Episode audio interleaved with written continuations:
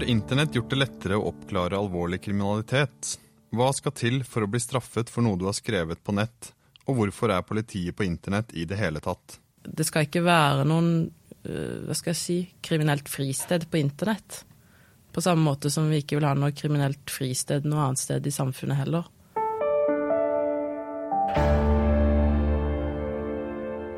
Hvis noen melder om husbråk, hvis noen blir utsatt for vold eller en demonstrasjon går ut av kontroll, så er det forventa at politiet er på plass for å ivareta borgernes sikkerhet. Men hvis noen kommer med hatefulle ytringer og trusler på internett, hva da? Dette er podkasten til Kripos, og jeg heter Aksel Due. Lone Pettersen og Kjersti Rønholt, velkommen. Tusen takk. Takk for det. Eh, Lone, hvorfor skal politiet være på internett? Fordi alle andre er der. Og fordi eh, internett har blitt så stor integrert del av eh, hverdagslivet til folk flest. Man kan gjøre alt mulig på internett. Handle, snakke med folk. Ja, drive kriminalitet. Så um, på samme måte som vi er til stede på forskjellige arenaer i holdt på siden virkelig verden, hvis man kan bruke det ordet, så må vi også være på internett for rett og slett for at uh, vi også må bygge troverdighet der, og vi må håndheve loven på internett som vi må ellers i samfunnet. Mm, hva, hva, slags uh, muligheter har dere til å håndheve loven egentlig på internett?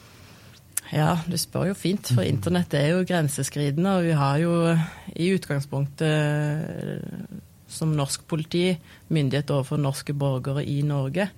Eh, men vi har jo muligheten til å gå inn og regulere atferd. Altså, vi bør vel kanskje først og fremst sørge for å jobbe litt forebyggende og opplysende. Og sørge for at folk oppfører seg, rett og slett. gjerne i dialog og gi råd og vink. Men samtidig så kan vi også identifisere hvis det er noen som eh, f.eks.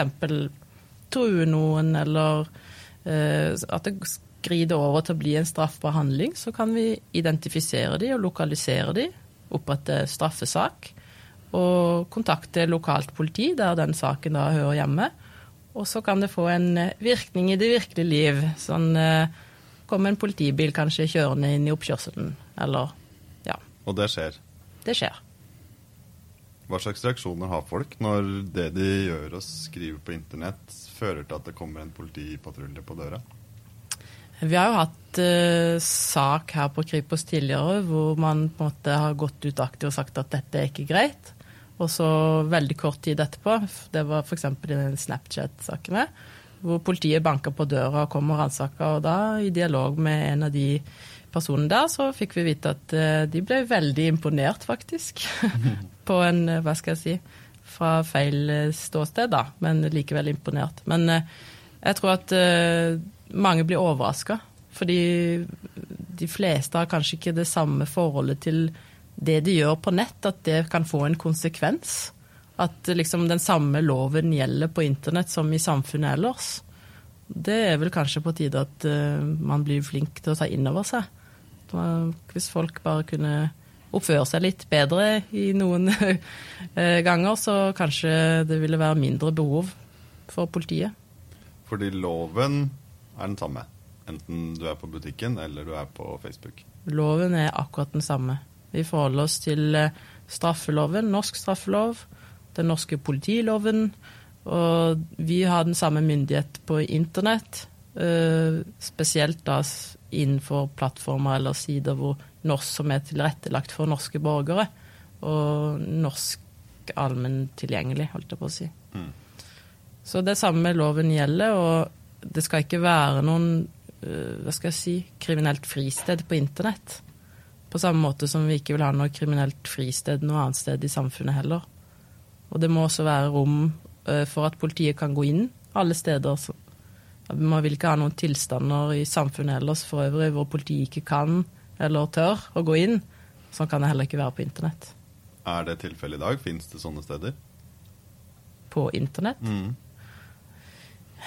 Det er jo litt eh, hva skal jeg si, komplisert i den grad at ikke politiet sjøl eier alle plattformene. Og man er jo avhengig av, eh, i hvert fall i noen tilfeller, å få bli sluppet inn av de som drifter nettstedet eller sidene eller gruppene, eller i hvert fall i den grad man ønsker bare å banke på og bli sluppet inn. Og så kan man bruke andre, andre hjemler, som det så fint heter, til å på en måte eh, si at selv om du ikke vil, vil, slippe meg inn, så skal jeg inn. Så, og det har vi jo, men det er jo en hva skal jeg si, en ny vei for politiet å gå også. Vi har jo ikke i tilstrekkelig grad vært så mye på internett og håndheva loven så mye som vi kanskje burde. Men eh, det kommer. Og Kjersti, i 2014 så starta dere et arbeid for å finne ut av hvordan kan politiet være til stede på internett. Og i 2015 så oppretta dere Politiets nettpatrulje på Facebook og ble med det den første på en måte politiposten på internett der hvor folk kunne ta kontakt. Stemmer det? Det stemmer.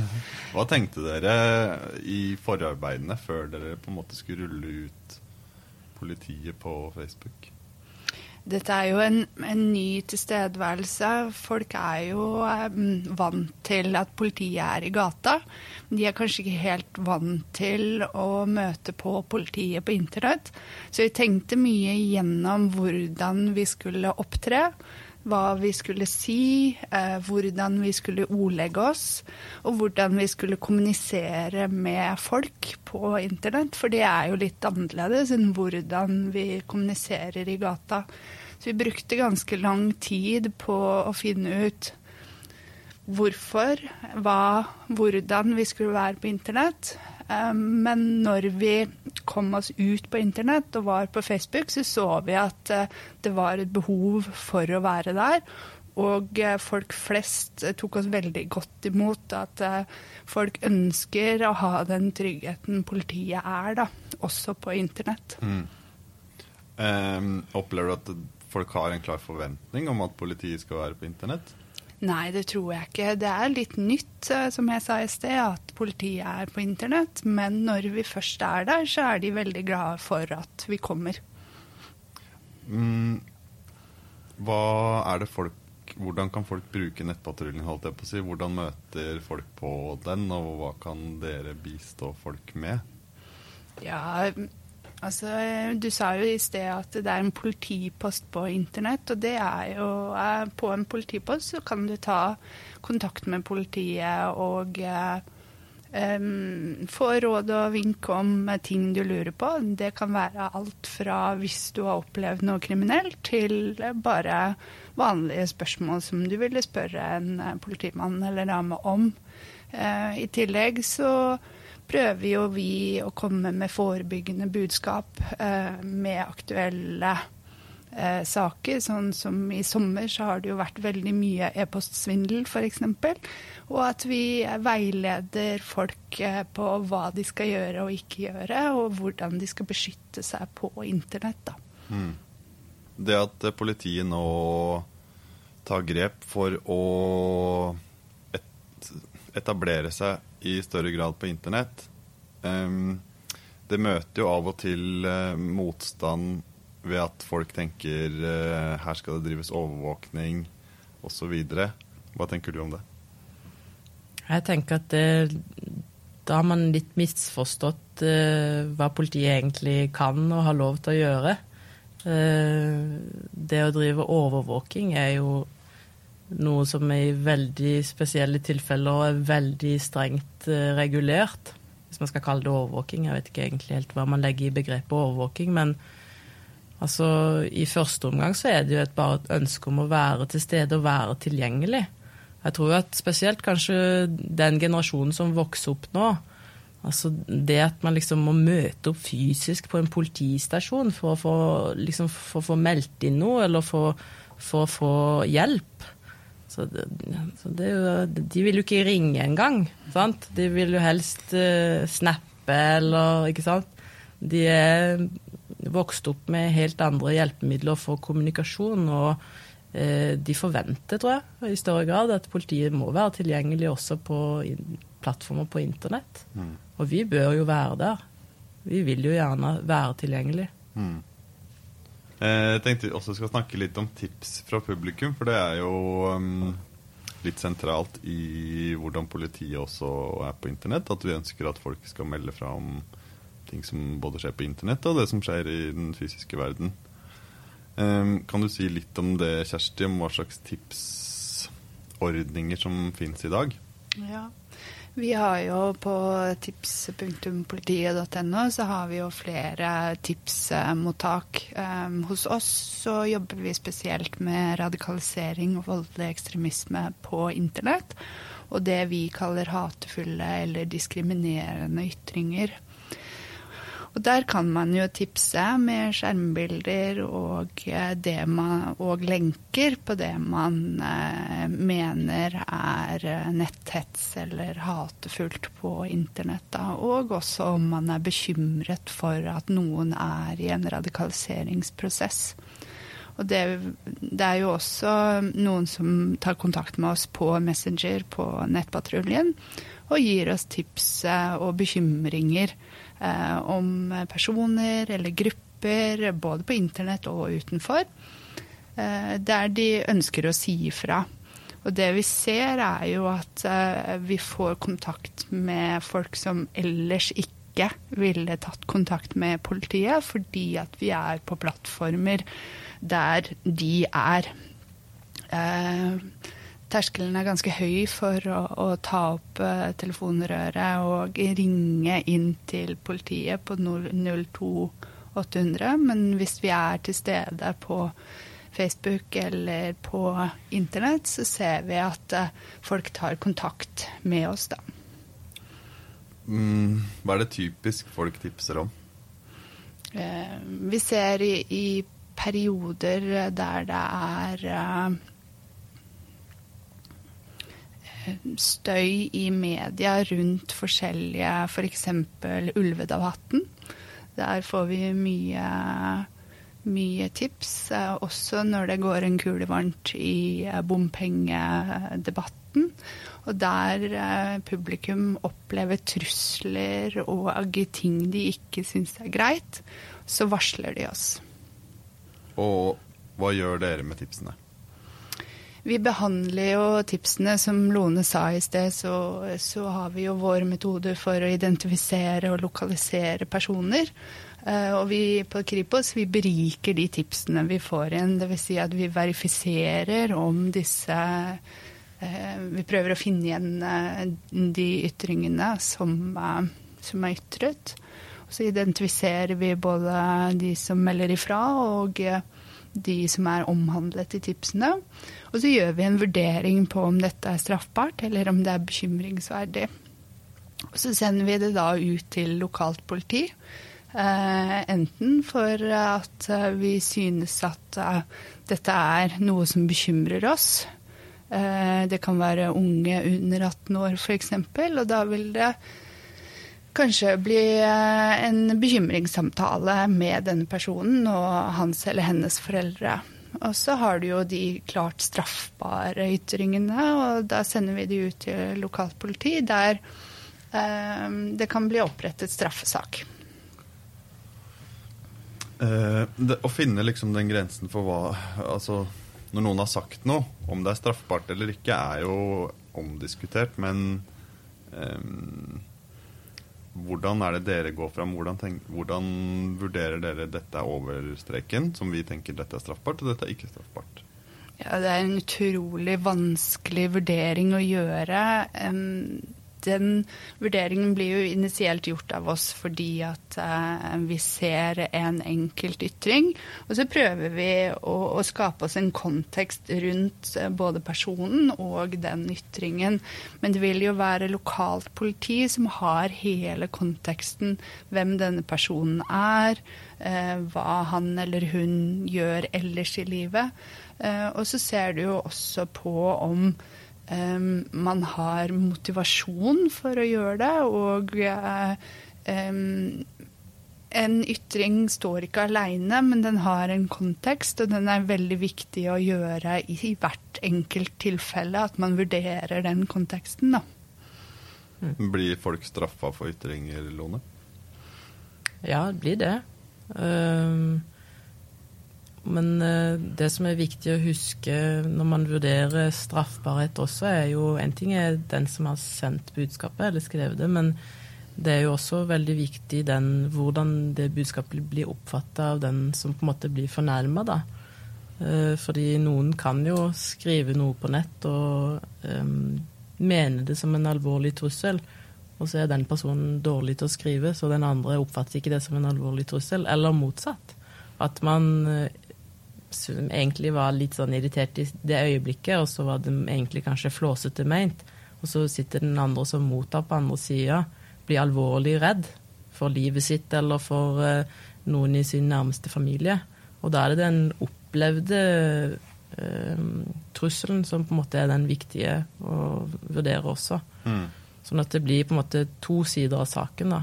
Men det er åpenbart at uh, folk blir straffa for det her. Og i den grad uh, politiet kommer til å være mer til stede, og kanskje folk tipser enda mer, så ser jeg for meg at kanskje enda flere vil bli straffa. Hvis ikke de følger oppfordringen min og bare oppfører seg litt eh, fint på nett, da. Sånn fra toppen av hodet deres, kan dere komme på noen eksempler som, hvor folk har blitt straffa for noe de har sagt? Ja, du har jo flere. Blant annet så har du en, rett, en um, sak fra Nordland der en uh, mann ble um, straffet fordi han ville skjære ørene av Haja Tajik og lage muslimsuppe på uh, ørene hans, hennes. Uh, og vi har flere sånne mot uh, myndighetspersoner. Mm, I høst så har jo flere aviser, men kanskje Aftenposten spesielt, skrevet om unge politikere som opplever å få mye hets på internett. Og som følge av det, ja, både hets og trusler, og som følge av det vurderer å trekke seg fra politikken. Og mange av de eh, har ikke anmeldt, og på en måte tenker ikke at politiet er en relevant uh, aktør. Um, hva sier du til de personene, Lone? Um, akkurat de tilfellene der hvor det faktisk er så ille at man vurderer at uh, man ikke ønsker å være en del av demokratiet, så uh, vil jeg jo si at det er veldig viktig at man anmelder. Akkurat når det går på myndighetspersoner, så går det faktisk inn under PST sitt uh, område. Men jeg vil også si at personer som jobber i andre hva skal jeg si, samfunnsviktige institusjoner, som f.eks. Nå vet vi at f.eks. mange barnevernsansatte har blitt veldig trua, og, og, at man ikke tør å stå i den jobben lenger fordi at uh, man blir trua på livet, og familien blir trua på livet. fordi man gjør en jobb for samfunnet for å beskytte barn, egentlig, da. Veldig enkelt sagt. Så mener jeg at det er også at man uh, da må man anmelde som privatperson, og så er man jo også samtidig offentlig ansatt, så da skal man jo også anmelde som en offentlig person, da. Eller offentlig ansatt i staten. Så det, det, er veldig viktig. Vi får ikke gjort noe med disse sakene hvis ikke personene anmelder saken. Og dette er jo noe vi i politiet må ta på alvor. Ja, og så er det jo viktig å ta inn over seg at uh, hvis det er en bruker på nett som driver og truer og hetser én person, så vil jeg jo tro at kanskje det kan være en viss sannsynlighet for at den personen truer og hetser andre også. Sånn at hvis uh, man får en anmeldelse og politiet klarer å identifisere hvem den personen er, så vil man kanskje eventuelt kunne se eh, sette stopper for i hvert fall noen av de som er mest aktive, da. Jeg tror jo at folk flest oppfører seg fint på nett.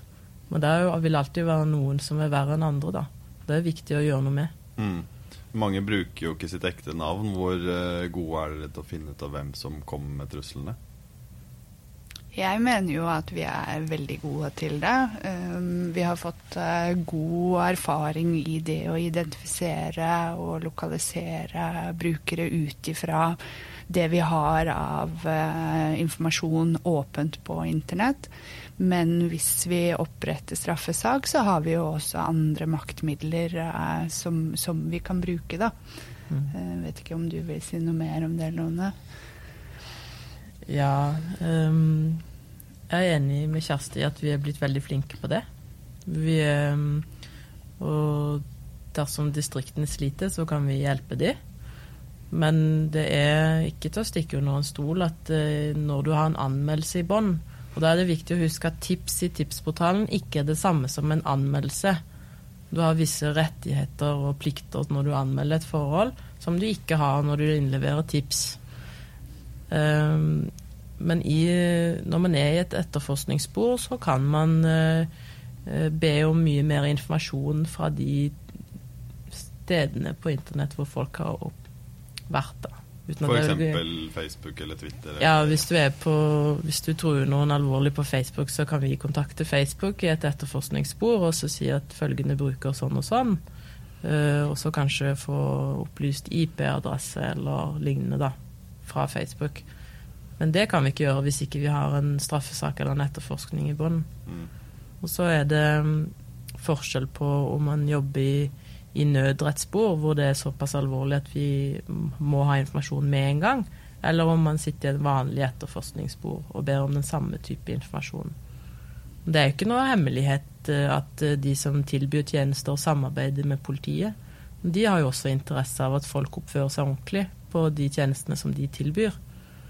Men uh, vi kan ikke be om hva som helst og få hva som helst, for å si det sånn. Det er forskjell på å be om å få en IP-adresse til en bruker eller å få innhold fra konto, liksom. Det, det, er en fryktelig En helt annen vei å gå for å få det. Um, det um, hvordan skal man gå fram hvis man tenker at dette vil jeg anmelde? Som i alle andre straffesaker så er det jo viktig med bevis. Eh, og det vi ønsker oss eh, når, det, når, man kommer for å anmelde, er jo at man har med seg skjermbilder av det som har skjedd.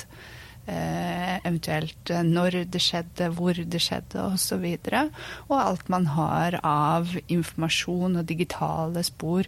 Ting kan jo bli borte, og da er det viktig å ha tatt Eh, skjermbilder av, eh, av, det som har foregått. Da. Har du, etter å ha vært politi på Facebook siden 2015, Kjersti, forstått mer om hvorfor en ganske liten del av befolkningen er så sinte på internett? Jeg tror det er veldig mange faktorer som spiller inn for hvordan folk oppfører seg på internett, egentlig. Eh, det kan være at de endelig har fått den kanalen de alltid har ønsket seg. Eh, man eh, kan jo nå ganske mange folk med de ytringene man spyr ut på internett. Og, og det, og det, trigger jo folk. Også det der at eh, det er jo ikke De du prater med, de sitter ikke i samme rom. Sånn at du får ikke den der umiddelbare tilbakemeldingen på hvordan folk tar det du sier. Eh, og da, eh, da sier folk mye rart som de ikke skjønner at er straffbart eller greit. Og det er jo en annen ting, det der at veldig mange er opptatt av at Å, er dette straffbart eller ikke? Eh, og vi må nesten litt bort fra å, å, veie en ytring i om det er straffbart eller ikke. Hvis man har en samtale med andre folk, så tenker man ikke Hvis du og jeg sitter og prater her, så, så vil eh, det jeg sier Eh, stoppe mye, mer, altså mye før jeg går til en straffbar ytring. Altså, det er ikke greit å hetse folk. Det er ikke greit å komme med, med stygge kommentarer. Altså, vi, må, vi må eh, være høflige og ordentlige med hverandre på internett også, og det er liksom en fanesak for Nettpatruljen. Og det er nok mange som syns at det er Eh, problematisk at politiet bryr seg om ting som ikke er straffbare. Men vi skal jo forebygge sånn så at det straffbare ikke skjer. Og da må det jo inn eh, litt uh, tidligere. Og så finnes det jo akkurat som ellers i samfunnet at folk uh, Det finnes folk som uh, ikke har det så bra. og de får utløp for sine frustrasjoner på internett. Eh, så det er veldig, veldig mange forskjellige ting som gjør at eh, folk er som de er på internett, akkurat som ellers i samfunnet.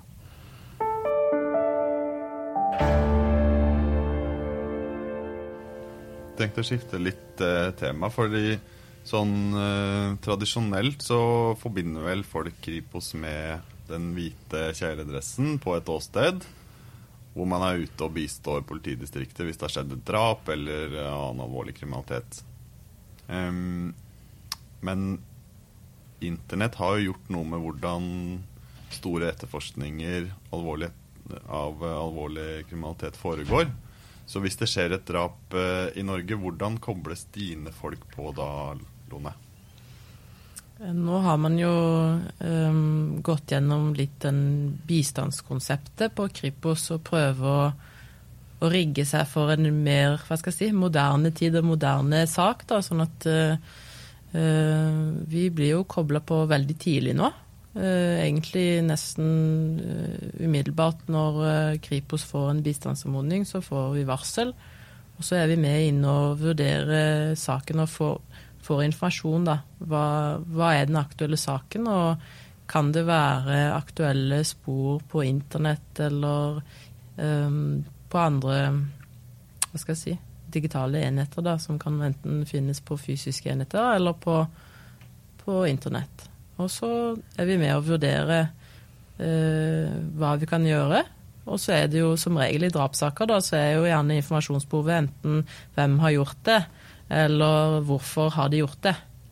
Uh, og da er det jo å være med og prøve å dekke det informasjonsbehovet. Og vi vet jo at uh, mobiltelefoner i dag er jo datamaskiner som legger igjen spor overalt. Og alle de andre tingene som, som er kobla opp mot internett, gjør jo også at man må samle sammen forskjellige typer spor og sette det sammen i en kontekst, da, for å kunne være med og si noe om hvem var hvor og hvordan og knytninger og sånn. Så jeg tror vi er blitt uh, vi er blitt litt sånn populære, holdt jeg på å si. Det er gjerne, Vi har en sammensatt kompetanse, som jeg nevnte uh, tidligere, som gjør at vi kan være med fra et veldig tidlig tidspunkt. Og vi bør være involvert tidlig òg, fordi vi vet at digitale spor kan jo forsvinne kjempefort. Uh, og ting kan endres og slettes og flyttes, og det er liksom ikke blodspor venstre og høyre, og der ligger de til noen vasker det bort, liksom. Så nei, jeg, jeg tror det vil bli mer av det også. Har det gjort det lettere å løse alvorlig kriminalitet? Hva skal jeg si? Både ja og nei. Eh, fordi det, det har blitt så fryktelig mange digitale spor. Og mengden data også er jo stadig økende. Så det begynner jo å bli vanskeligere å, å klare å pinpointe akkurat hvor vi skal hente ut det som vi har behov for å belyse akkurat det vi har behov for i vår sak. Du kan jo få overskuddsinformasjon eller informasjon om alt mulig rart annet enn akkurat det du har behov for å belyse. Så man må kanskje bli enda flinkere til å vite hvor skal vi hente hvilken informasjon som er viktig for oss. Men samtidig så ser vi også at eh, når vi da er flinke på nettopp det, så får man jo inn informasjon som man overhodet ikke hadde noen mulighet til å finne på noe annet vis, da. For eksempel, jeg tenker kanskje Spesielt i f.eks. savna-saker, da, hvor man ikke vet om personen er borte frivillig fordi jeg har vært i en krangel, eller nå må jeg bare skyte livet mitt suget, jeg må på ferie, liksom. Jeg gidder ikke å snakke med noen om det. Eller at noen er borte mot sin vilje om de fortsatt er i live, eller om de er døde, eller om de er drept, eller hva Altså, akkurat de sakene er egentlig Der mener jeg at vi er veldig relevante. Fordi da kan vi være med å finne spor på aktivitet på internett. Som dersom personen er forsvunnet en mandag, og vi finner spor fra tirsdag og onsdag, så kan det kanskje være med å hjelpe oss litt i forhold til hvor er personen nå? Eh, I hvert fall fortsatt i live, eller eventuelt andre som har tilgang på konto osv. osv. Så, så det er jo en Ja. Det er veldig spennende, da. Mm. Veldig gøy. Men jeg også føler at det er viktig også at man må ta inn over seg at um, man må Politiet, da, hva skal jeg si, norsk politi må bli litt flinkere å tenke det mulighetsrommet. Fordi vi tradisjonelt sett har vært veldig flinke på å kjøre i gang med rundspørringer, dykkere i elva, Um, gravemaskin, kanskje gravd ned et sted, eller alt mulig rart sånn.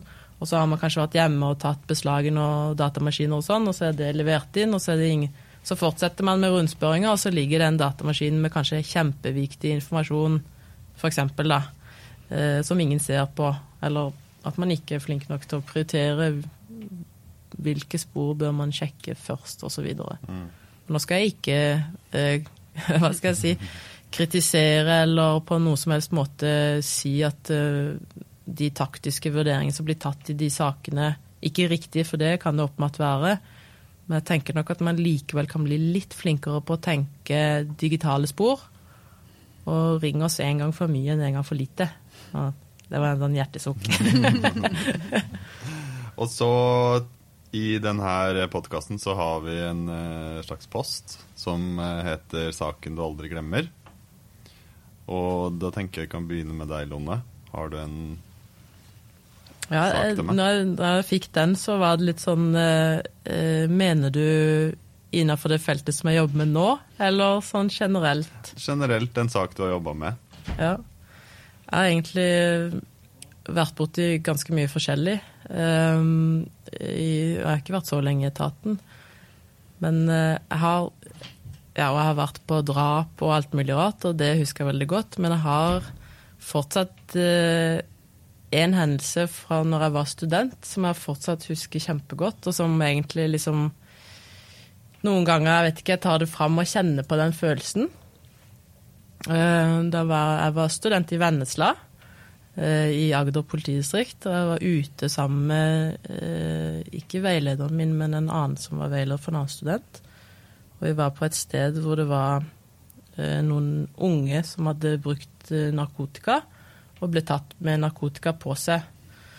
Så måtte vi kjøre de, det var to stykker, kjøre de ned i arresten i Kristiansand, for det måtte ransakes og skrive sak og sånne ting, da. Og så hun ene jenta eh, hun, eh, hun reagerte så veldig kraftig på å bli satt i arrest. Altså hun ble helt sånn panisk og hvit og begynte å hyperventilere og var helt uh, Ja, hun hadde åpenbart klaustrofobi, da. Det er mange som sier at de har klaustrofobi, for de vil ikke sitte på cella. Og hun sa det, og, hun, og jeg gikk opp for å skrive de, det som jeg måtte skrive, og så kom ned igjen, og da da hadde han arrestforvareren tatt henne ut fra cella, og så lå hun liksom inn i inkvireringsområdet, da, der hvor du må liksom si hva du heter og alt sånt. Og da var hun liksom Hun lå helt under, under benken der, og var helt Jeg bare husker at jeg bare tenkte herregud, stakkar jente, liksom. Og han hadde ikke klart å nå fram til henne i det hele tatt. Og da var jo jeg bare Jeg var jo blodfersk student, liksom. Og bare ned på gulvet der og, og trøste og, og, hjelpe henne og få henne til liksom, å puste normalt. og jeg husker, jeg husker ikke navnet nesten på alle avdelinger for Kripos, men jeg husker fortsatt navnet hennes. Det bare brant seg fast, og etterpå så hadde vi masse gode samtaler. Hun var jo ikke, hun var ikke 18 år ennå. Men liksom Jeg vet ikke. Av alle de tingene som jeg liksom har vært borti, var den den måten hun reagerte på å komme i arrest, har gjort at jeg har tenkt uh, veldig nøye gjennom hver enkelt innbringelse, for å si det sånn. Mm. Eller pågripelse, da. Inn i arrest. Så det satt uh, stor, store spor hos meg, i hvert fall. Mm. Takk for at dere kom. Tusen takk. Tusen takk for at vi fikk komme. Ja.